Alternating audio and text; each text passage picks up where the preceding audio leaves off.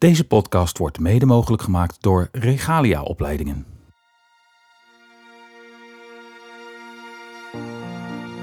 Ehm, en dat was heel bijzonder, maar ik werd, eh, in een droom werd ik eh, eigenlijk gewaarschuwd van uh, Florine gaat naar huis. Niet waar verteld wordt, ik haal ze thuis, maar ze gaat naar huis. Jaap, wij kennen elkaar al even. Dat klopt, ja. En we kennen elkaar heel goed. Dus het is ook heel gek dat we zo tegenover elkaar in een podcast gaan zitten. Terwijl we eigenlijk elke dag zo met elkaar aan tafel zitten of onderweg zijn. Want jij bent uh, uitvaartleider bij mij in het bedrijf. En uh, bij ons in het bedrijf zeg ik inmiddels altijd. En uh, je bent directeur van de uitvaartzorg. Ja. Nu ben jij op een hele wonderlijke manier bij ons terechtgekomen. En omdat we in deze podcast praten over omgaan met rouw en verlies, regeren over rouw en verlies, um, zit jij hier niet voor niks. Niet zozeer uit je, in je, uit je rol als uitvaartleider, maar omdat jij zelf heel jong weduwnaar geworden bent. Ja. En ik wil jou uh, heel graag vragen of jij uh, ons jouw verhaal wil vertellen. Ja, zeker. Ik zou bijna over de grap zeggen, laat eens je boek lezen, want daar staat het heel... Maar goed, dit is een podcast, dus dat vraagt om wat meer woorden. Um, ja, het is zeker een mondelijke weg. Ik ben, um, om niet te ver terug te treden... lange deel van mijn, van mijn leven ben ik ondernemer geweest van een aantal bedrijven. Um, ik ben gelovig opgevoed en uh, nou ja, die combinatie die heb gemaakt dat ik best wel vaak ook met mensen in aanraking kwam die uh, uh, te maken hadden met ziekte. En vanuit mijn geloof kwam ik dan bij die mensen om voor hun te bidden of ziekenzalving. Ja.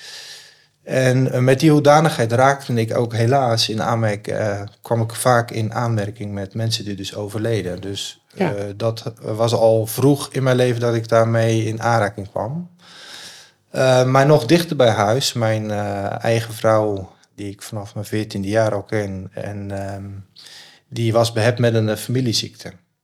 En um, als je jong bent, ben je nog niet zo bezig met de dood. Maar we werden wel zo nu dan geconfronteerd, omdat het familieziekte is, wisten we dat er, ja, ik noem dat dan maar, best wel veel mensen door die ziekte uit het leven gestapt zijn. Dus je wist eigenlijk al, we hebben het over Florine. Ja. Um, je, dat, dat, toen je verkering kreeg met Florine, dat ze ziek was. Wist ze dat toen al? Ja, maar dan ben je. Ik was, wij, wij waren er vroeg bij, want um, ik heb er wel een klein beetje moeite moeten doen om uh, uh, haar aan mijn zij te krijgen. Maar ik was eind 14, 14 jaar en zij was net 15. Ja, dan ben je eigenlijk, sta je daar niet zo bij stil. Nee. Dan weet je dat. Maar ik wist wel dat zij ook die ziekte met zich meedroeg. En wat was dat voor een ziekte? Uh, dat is een kiestus die uh, in haar nieren uh, leven zitten en bij de rest van de familie in de groeien in volume en aantal. En bij de ene is sneller de nierfunctie die achteruit hobbelt. En bij de andere familieleden soms lever. En Florina had de pech dat ze bij alle twee de organen... Dus eigenlijk komen er dan kiestus in je organen ja. en die worden groter. Ja, volume de, en ze worden groter. Dus de organen van Florine, die, uh, ja, dat, dat werd op een gegeven moment ook zelfs zichtbaar om een hele grote stap te maken. Uh, zeker na de zwangerschap van mijn twee prachtige dochters. Ja. is dat hormoniaal best wel, heeft dat, dat aangedreven. Ik weet niet precies goed hoe ik het moet noemen. Maar op een gegeven moment werd Florine gefeliciteerd met de zwangerschap. Maar dat was eigenlijk allemaal lever. Dus, dat is dus die buik was helemaal opgezwollen. Ja. Dat, ja. Zo groot was haar lever geworden. Ja. Zij is altijd goed in staat geweest om dat cosmetisch met kleding uh, onzichtbaar te houden. Maar op een gegeven moment was dat niet meer te doen. En dat mensen ook, ja, je hebt altijd mensen die. En ze had ook de leeftijd. Dus ik heb dat haar ook wel moeten leren. Want mensen feliciteerden haar met de zwangerschap. En in het begin, uh, ja, dan uh, liet je die mensen Ja. gewoon een soort van staan. Want Ja. ze dachten, ja, eh, ik ben niet zwanger. Nee. En zoek het uit. Uh, dus wij hebben daar ook handen en voeten aan moeten geven. Hoe, ga, hoe kunnen wij daar goed mee leven? Ja, snap ik.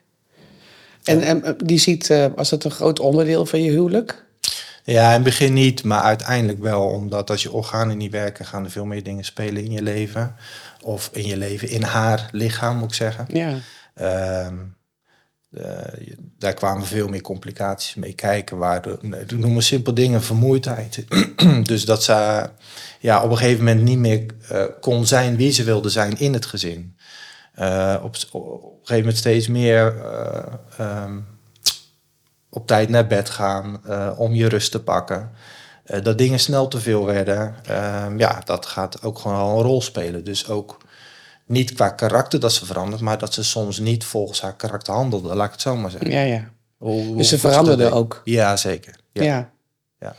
En dan komt er een punt dat ze zo ziek wordt dat ze een keuze moet maken. Ja.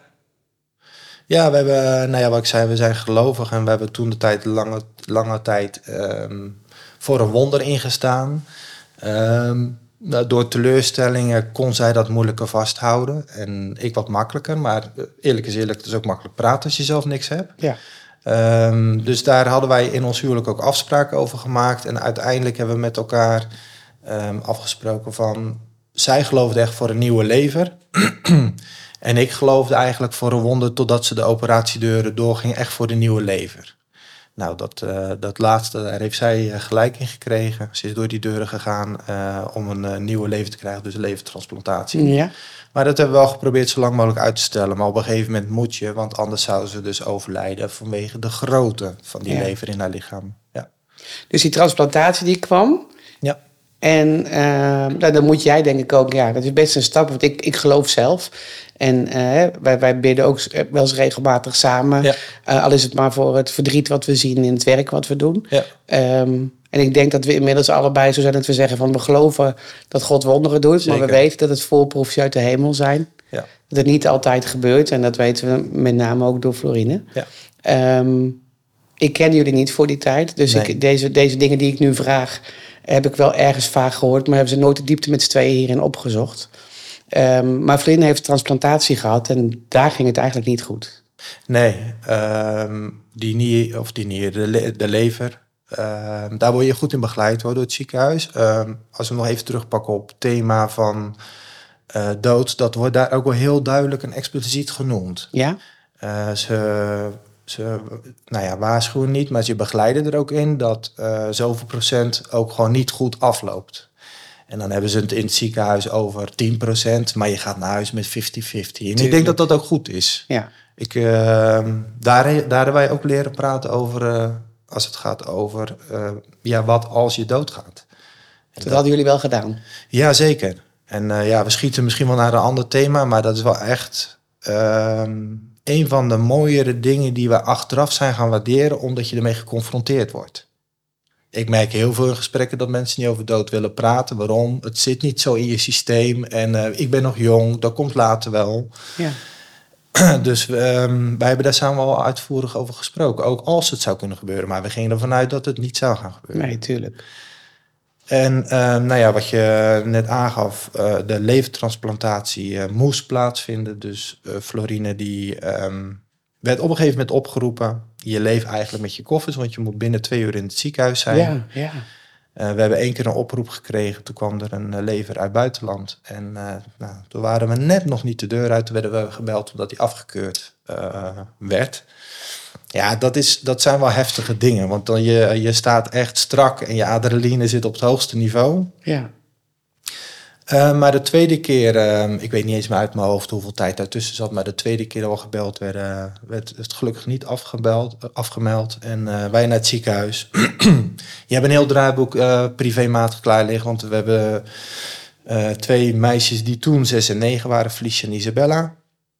Dus die kan je niet zomaar alleen laten liggen. Nee. Dus eh, dat is allemaal snel handelen in de familie, ook bij naar het ziekenhuis.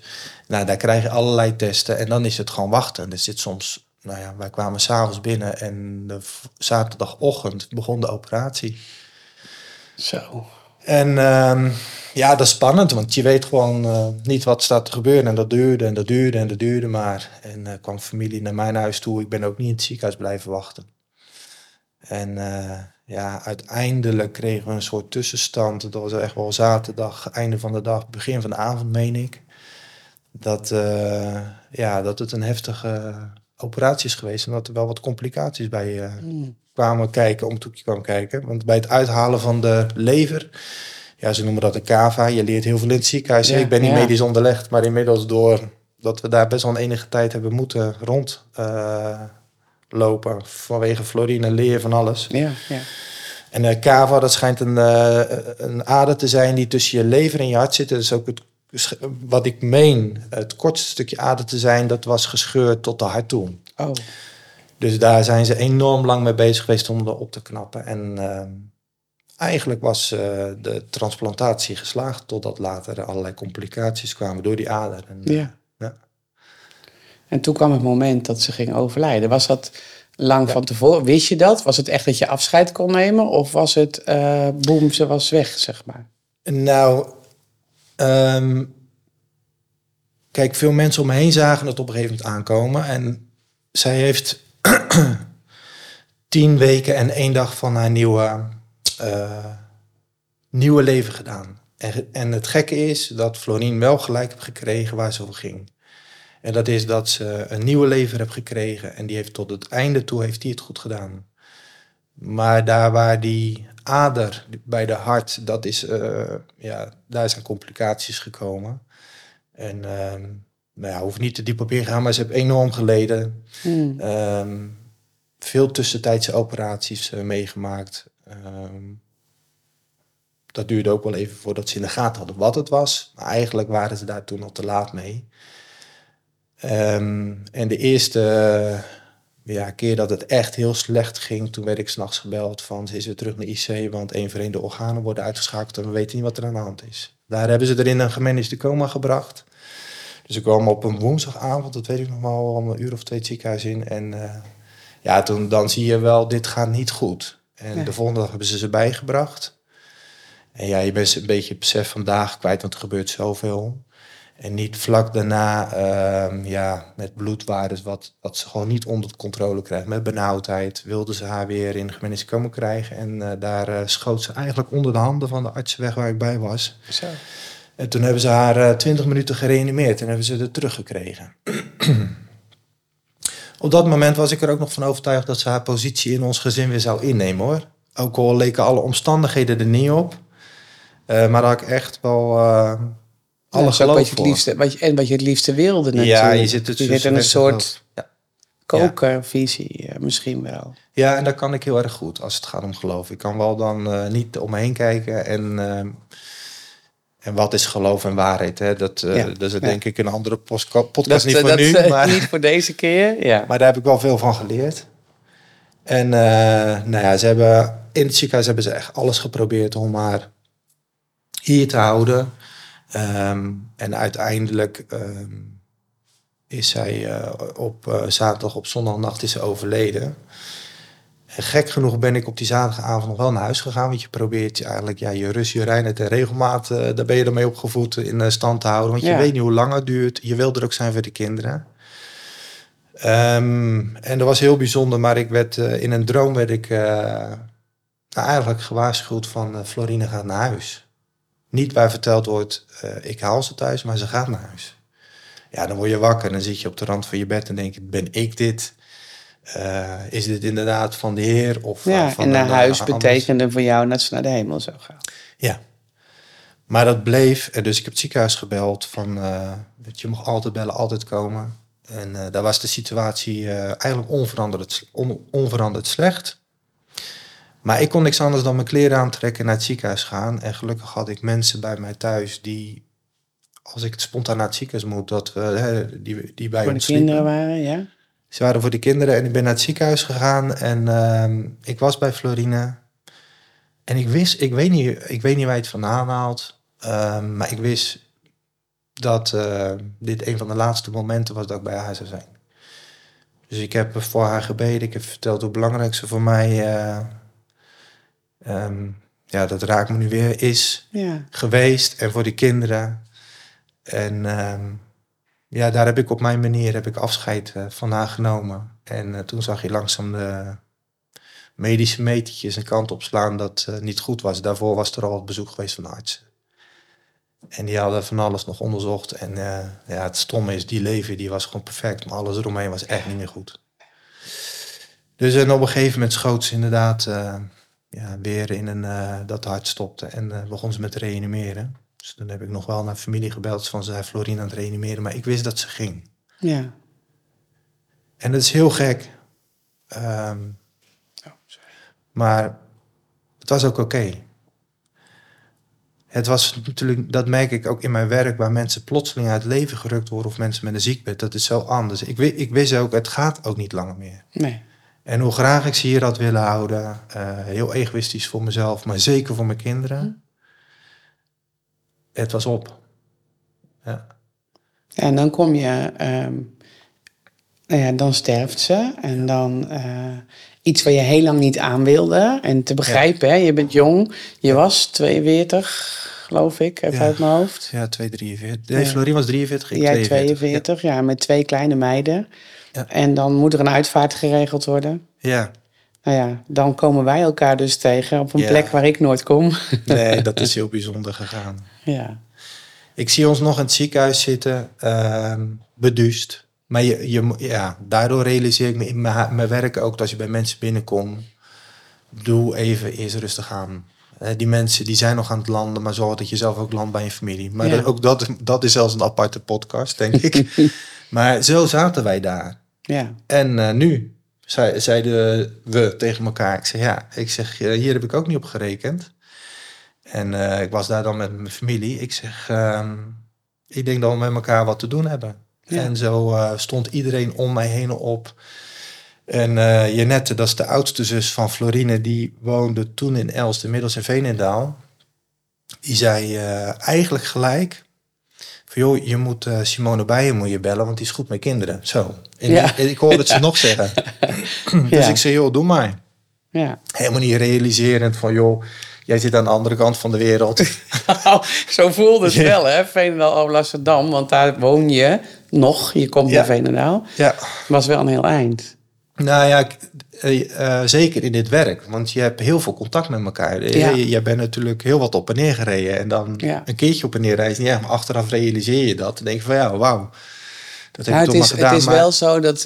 ik, ik ken die net via de kerk, hè? Ja. ik ken haar niet helemaal persoonlijk. Maar Nee. zij wist van mij. En ik kreeg een telefoontje. Er werd in de kerk... eh, eigenlijk kwam er een app binnen... dat de zus van Jenet overleden was. En waarom was dat voor ons zo bijzonder? Jenet moest dezelfde operatie ondergaan als Florine. ja. Stond ook op zijn wachtlijst in die tijd.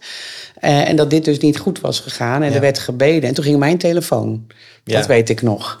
En toen zei ze, ja, het is wel in Alblasserdam. Dat ik dacht, ja, maar dat kan niet. Ja. Dat is te ver weg. Ik zat in het eerste jaar dat ik dit werk deed. Dus op zich nou ja, was je niet zo druk als nu.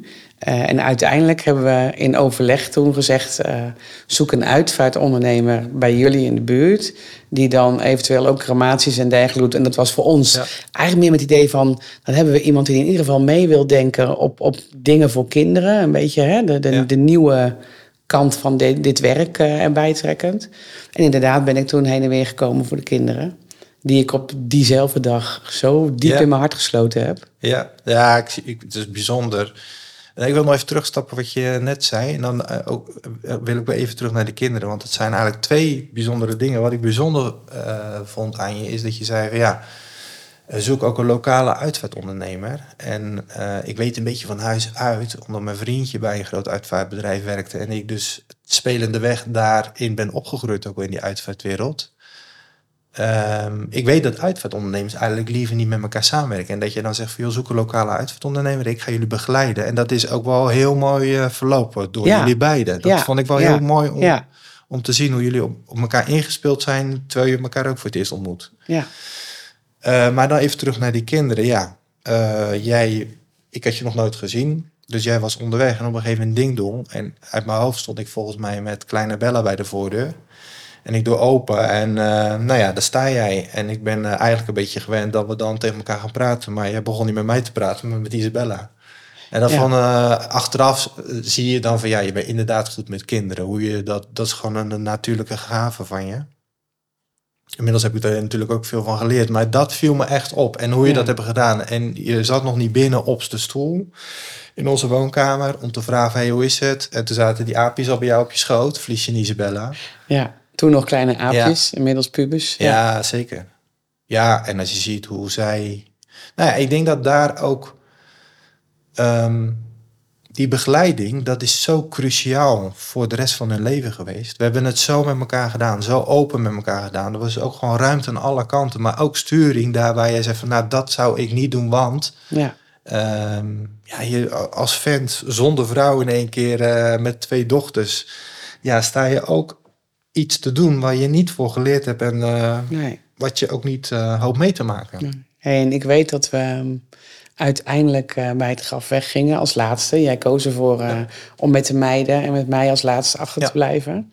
En de rest was koffie drinken. Er is een hele mooie foto van die we ook zullen laten zien. eh, jij begon over mijn boek, maar in mijn boek Dood eenvoudig staat inderdaad het verhaal Ja, ehm, van jullie en van de meiden. En vooral dat stukje met die twee foto's, want inmiddels zijn het twee foto's. ja, Die eerste keer dat we terugliepen bij het graf, raakte Felicia mij in mijn ziel. ja. Omdat ze eh, nog een beetje zand op het graf gooide en zei: Dag mama, Ja. tot ziens in de hemel. ja. En we hadden een afscheidsfotograaf mee. ja dat, dat, daar heb ik ook zo geen spijt van. Nee, nee die dat, ik. vastlegt en die woorden die jij eh, haar hoorde, hoorde zeggen ook.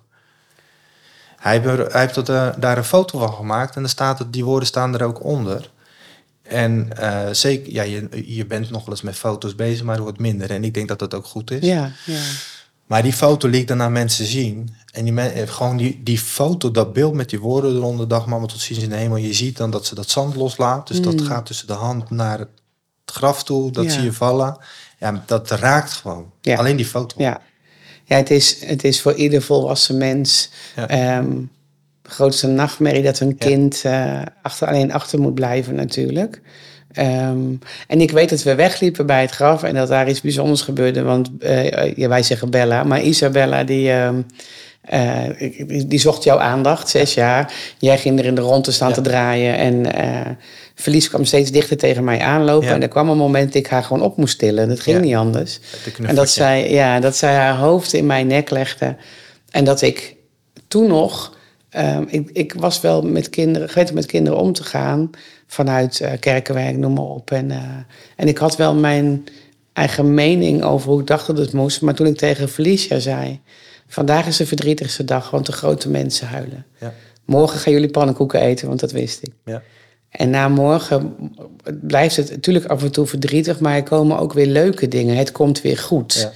En ehm, nou ja, toen kwam er natuurlijk iets bijzonders. We hebben elkaar ehm, eh, in de jaren daarna niet zoveel meer gezien. Nee. Wel op Facebook heb ik contact met je gehouden. En dan gebeurt er iets moois. Want jij staat dan... Eigenlijk is het eerste deel denk ik heel ingewikkeld voor jou. Ook kan me zo voorstellen. Want iedereen gaat naar huis. Die volgende dag gingen je vrienden. Want je had een hele mooie groep vrienden. Ja. Met de kinderen en met jullie naar het pannenkoekenhuis. Ja. Heel tegenstrijdig voor mensen aan de ene kant.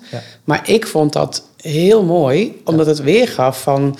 eh hey, kids, het leven gaat door. Ja, zeker. Dat zit gelukkig in mijn eh, karakter. Maar ik weet ook en ik besef ook, en ik hoop dat veel mensen eh, ja, ook naar de podcast van je luisteren.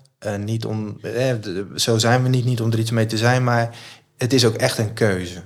Ik realiseerde me ook van, het is ook een keuze, hoe ga ik verder leven? Ja?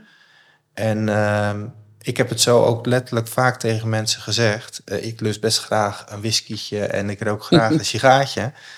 En eh, je kan natuurlijk met een fles whisky eigen liggen bevuilen op een hoek van de bank en eh, voor de rest nergens meer tegenaan bemoeien. En ja, het klinkt ook misschien wel hard in je zielige ik gaan zitten.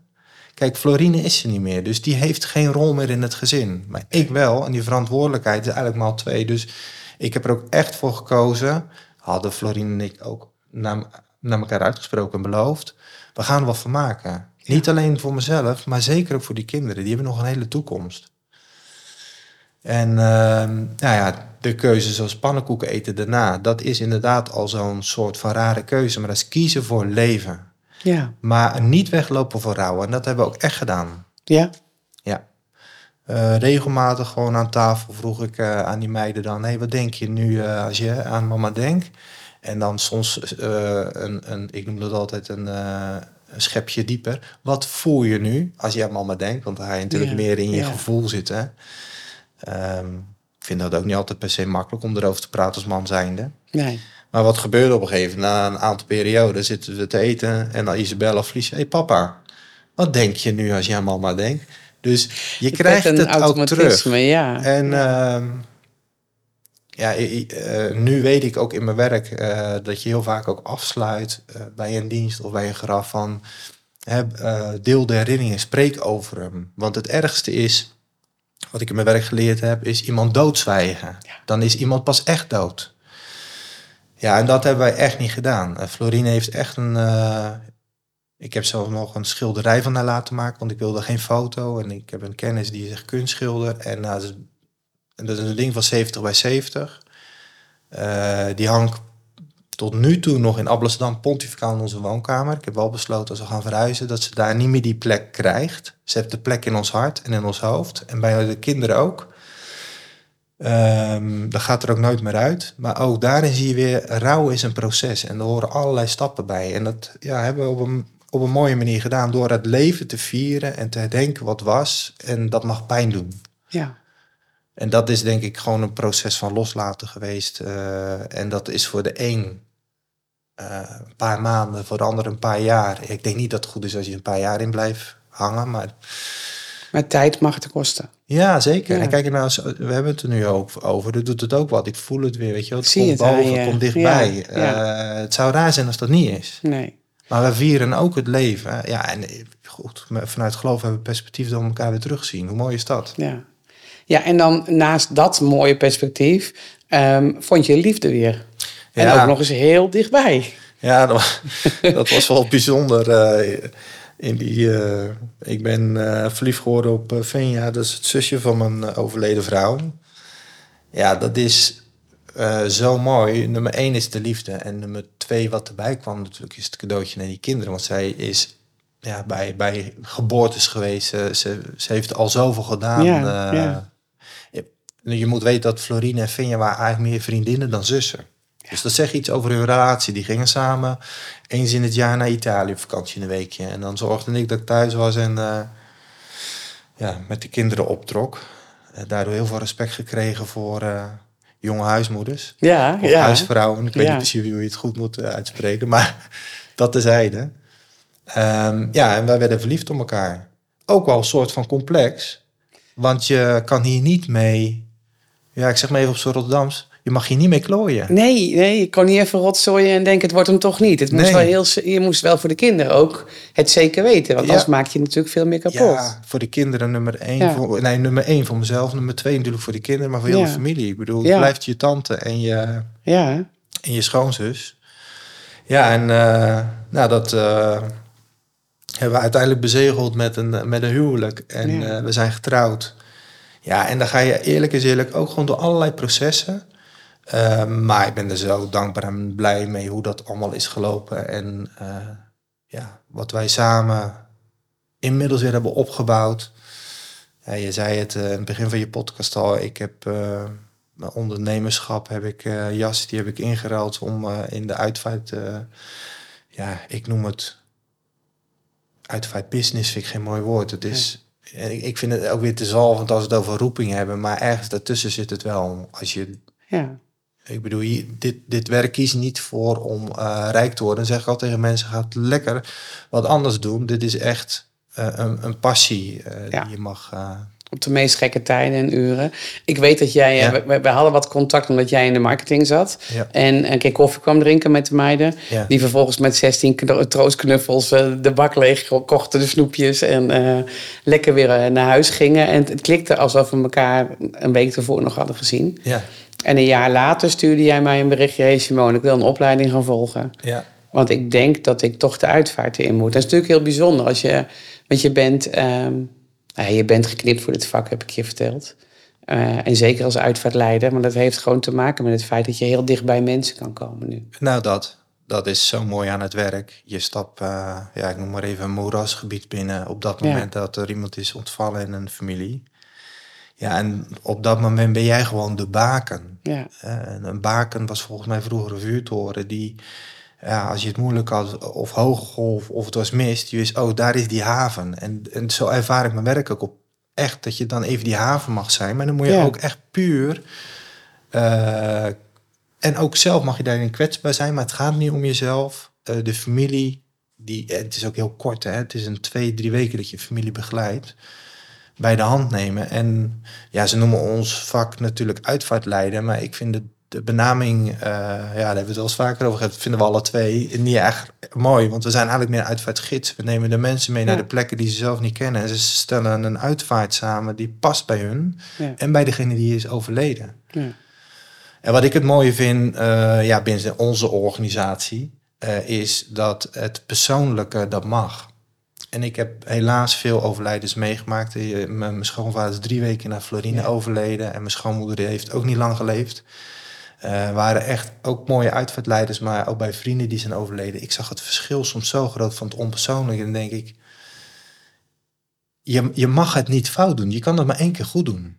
Ja. Kijk, dat er op een huwelijk misschien wat niet goed gaat, of een doopdienst, of, eh, maar het afscheid dat is het laatste en dat blijf je ook herinneren. Ja, klopt. Hè, met een doopdienst en huwelijk heb je nog een heel leven voor je. Maar als je bent Ja. overleden, dat is het laatste. Is het dus dat blijft ook hangen. Dus er ligt ook een, een, een grote verantwoordelijkheid op ons werk. Ja, je kwam stage lopen bij mij en ondertussen was je je eigen BV aan het opzetten. En in Ja. Alblasserdam, ik zou je helpen starten, Ja. eh, zouden we zorgen dat jij ging doen wat ik hier Ja. deed. Ik had de bus al bijna gekocht van je. Ja, mijn was oude aan bus zou naar jou. En ergens kreeg ik heel erg op mijn hart, ja, ik moet hier blijven. Maar ja, dat ga je natuurlijk niet tegen iemand zeggen die zijn eigen bedrijf wil beginnen. Nee. Tot je bij mij aan tafel zat, wij elkaar aankeken en jij zei, ik geloof dat ik hier moet blijven. Ja. En we dat ook gedaan hebben dus. En het bijzondere is dat je... eh, dat, dat Venja daarin meeging, dat je meiden daarin meegingen. Dat jullie op de camping in Woudenberg eh, twee jaar lang, wat ruim twee jaar lang, een, eh, een chalet hebben. Ja. Waar jij eigenlijk helemaal min of meer woonde. En in Ja. de weekenden je, je vrouw en je kinderen nog zag. Klopt, ja. Ehm, nu krijg je over een paar weken de sleutel van je huis in Veenendaal. En sorry, ik vind te gillen met de achtertuin tegen de begraafplaats aan. Vrienden, vrienden Lekker zeggen ook dicht bij je werk. Ja. Ja. Ja. Maar je komt helemaal hierheen. Ja. Ehm, ehm, omdat we nou, weten mogen dat we samen op mogen trekken. Ja. En dat vind ik geweldig.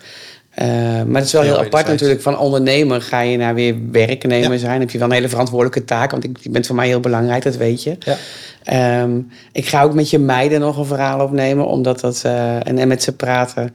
Omdat ik het gewoon prachtig vind om het van hun ook te horen. Omdat zij mij misschien wel het diepst geraakt hebben. Toen wij één uitvaart samen deden. Toch in Alblasserdam. Ja. Dat was een vriendinnetje van Isabella. Ja. Tenminste, haar moeder. Ja. En eh, nou ja, los van eh, wat we daar allemaal geregeld hebben... kwam daar ook een moment dat we teruggingen bij het graf. Ja, en ehm, inderdaad, eh, het vriendinnetje heet Fleur. Dat is een vriendinnetje van eh, Isabella. En haar moeder, die trok eigenlijk ook regelmatig, al was het voor een schoolhek, nou, bijna altijd met Florine op. Ja, Ehm, en later werd dat natuurlijk Venja. Eh, zeker omdat Fleur veel bij ons is en Isabella veel bij Fleur. Dus Ja, ja, je ziet ja. elkaar en de ouders. En eh, haar moeder werd ziek. En eh, het mooie is dat Venja die heeft ehm, ja, daar veel mogen betekenen voor die moeder.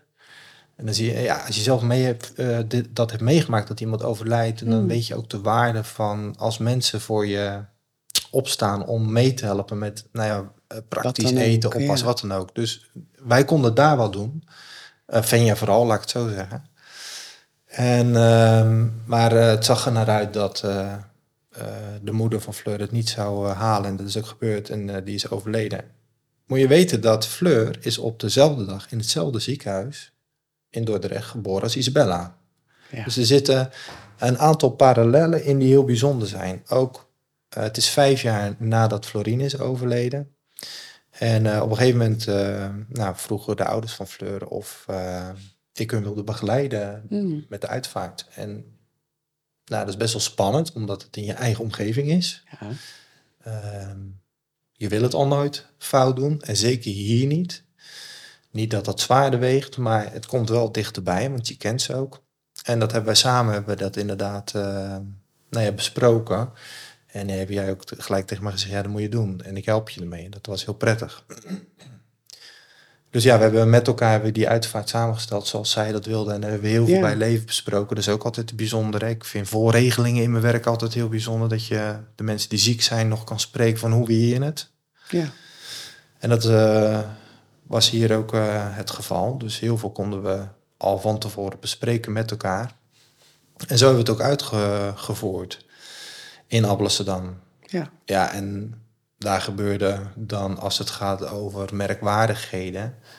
ehm, toeval bestaat niet. Nee. Dat soort dingen, zeg maar. Nee, en hè? dat heb je ook echt Ja. mooi in je boek beschreven. Dat was niet de enige, maar ook weer een bevestiging eh, voor mij. Ja, eh, dat, dat, dat ik op, eh, hoe noem je dat? Dat ik hiervoor gemaakt en geroepen ben Ja. en eh, op de juiste plek ben. Het was eigenlijk een knipoog uit de hemel, noemen wij Ja. het. Hè? Want we, Fleur eh, kwam eh, bij het graf vandaan, kwam bij mij staan. En ik weet dat ik ook bij haar de armen om mij heen sloeg. Ik moet misschien ook goed zeggen, toen ik Felicia optilde, die vijf jaar daarvoor, inmiddels bijna zeven jaar al, Ja. hè, zes, ehm, eh, heeft de fotograaf, zonder dat wij het wisten, een foto gemaakt. En die foto is van mij op mijn rug met Felicia in mijn armen. Ja. En in de verte sta jij met Isabella die ronddraait. Ja. Op een pad op die begraafplaats. Nou, we staan, ik sta met Fleur. Ik heb haar in mijn armen gesloten even. En ik weet dat ik tegen Fleur zei... Lieve schat, het komt weer goed. En op dat moment sloten jouw twee meiden aan... Ja. En sloegen de armen om Fleur heen en zeiden... Maar het is ook echt waak, want kijk maar naar ons. Ja. Met ons is het ook weer goed Ja. gekomen. En we zijn niet altijd meer Bijzonder. verdrietig. En dat was heel mooi, want het was voor mij de bevestiging... Wat ik vijf jaar terug dacht... dat het ook echt zo is. En inmiddels weten we dat door ons werk. En toen liep er een afscheidsfotograaf en toen zei ik... En jij was je werk al doen als uitvaartleider... dus al weggelopen om de mensen eigenlijk wel thuis te zeggen. En toen zei ik tegen die afscheidsfotograaf, is een ander... zou jij, want we lopen nu hetzelfde pad af... een foto willen maken dat de meiden bij mij lopen? Want hiervoor moesten ze gedragen worden. De een door haar vader, de ander door mij. Ja. En nu vijf jaar later zie je... we hebben de armen nog om heen... maar Ja. dat ze het alweer zelf voor een heel groot gedeelte kunnen... En toen de foto binnenkwam s'avonds, was het meest wonderlijke dat jij op een of andere manier je Ja. taak staat te doen in de verte op die foto. Ja. Ehm, eh, en de mensen gedacht zegt, zonder de kinderen nog aan je hand, die dus ook een stuk zelfstandiger zijn geworden. Maar jij ook van de weduwnaar en de vader van de kleine kinderen met het verdriet, daar stond als de uitvaartleider die je wezen mag. Ja, het is heel. het is eigenlijk heel bizar en bijzonder, die foto inderdaad. Dat die, die vertelt zoveel over die vijf jaar in, Ja. in beeld. En eh, dat jij inderdaad dan. eh, ja, ik adviseer iedereen om eh, op een of andere manier even naar die foto te kijken. Het gaat echt niet om mij. ja, we en gaan ons, hem in maar beeld het brengen. Is gewoon, ja. dat vertelt gewoon zoveel. Ja. Niet alleen over mijn werk, maar over mijn leven. Over waar je voor staat. Wat jij hebt gebouwd in je, in je bedrijf. Dat het klopt inderdaad. Wat je zegt, ja, het komt goed. En dat die meiden daar ook die rol weer in spelen naar Fleur. En ik ken Fleur, want ik zie ze nog regelmatig. Ook daar zie je dat het nou, goed is. Ja. En ja, ze missen de mama's, natuurlijk. En de papa's, dat zal altijd blijven. Ja, heel bijzonder eh, gebeurtenis. Ik wil je bedanken, Jaap. Want dit is een gesprek wat we echt niet voeren samen. Nee, We spreken over Absoluut. heel veel dingen. En vaak ook over werk, maar ook over Ja. privé. En ik weet dat dit ingewikkeld is. Ja. Maar ik vind, eh, ik vind het waanzinnig mooi om te zien dat jij... eh, nou, er is een, eh, een lied wat zegt... ruil je rouwkleed in voor een lofgewaad. En dat is eigenlijk wat jij gedaan hebt. Niet zozeer voor een lofgewaad... maar je hebt er werkkleding van gemaakt. Ja. En je bent letterlijk eh, gaan doen eh, waar je heel goed in bent... ja. door wat je hebt meegemaakt. En ik hoop dat je nog heel lang, nou ja, zolang je maar in Veenendaal komt wonen, blijf Ja. je nog wel even. Ja, dat je nog heel lang bij ons Dat je blijft. maken. Dankjewel. Ik ga je meiden straks interviewen Ja, en eens kijken wat die allemaal los gaan laten over papa. ja leuk. leuk zo ook om eh, ja, hun kant van het verhaal Ja. te horen en waar ze weer staan. Dankjewel, Dankjewel. vriend. Jo.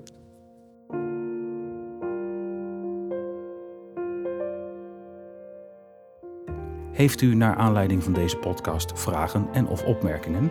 Neem dan gerust contact met ons op. Dat kan via e-mail, onze website of telefoon. Alle gegevens vindt u in de nadere informatietekst bij deze podcast.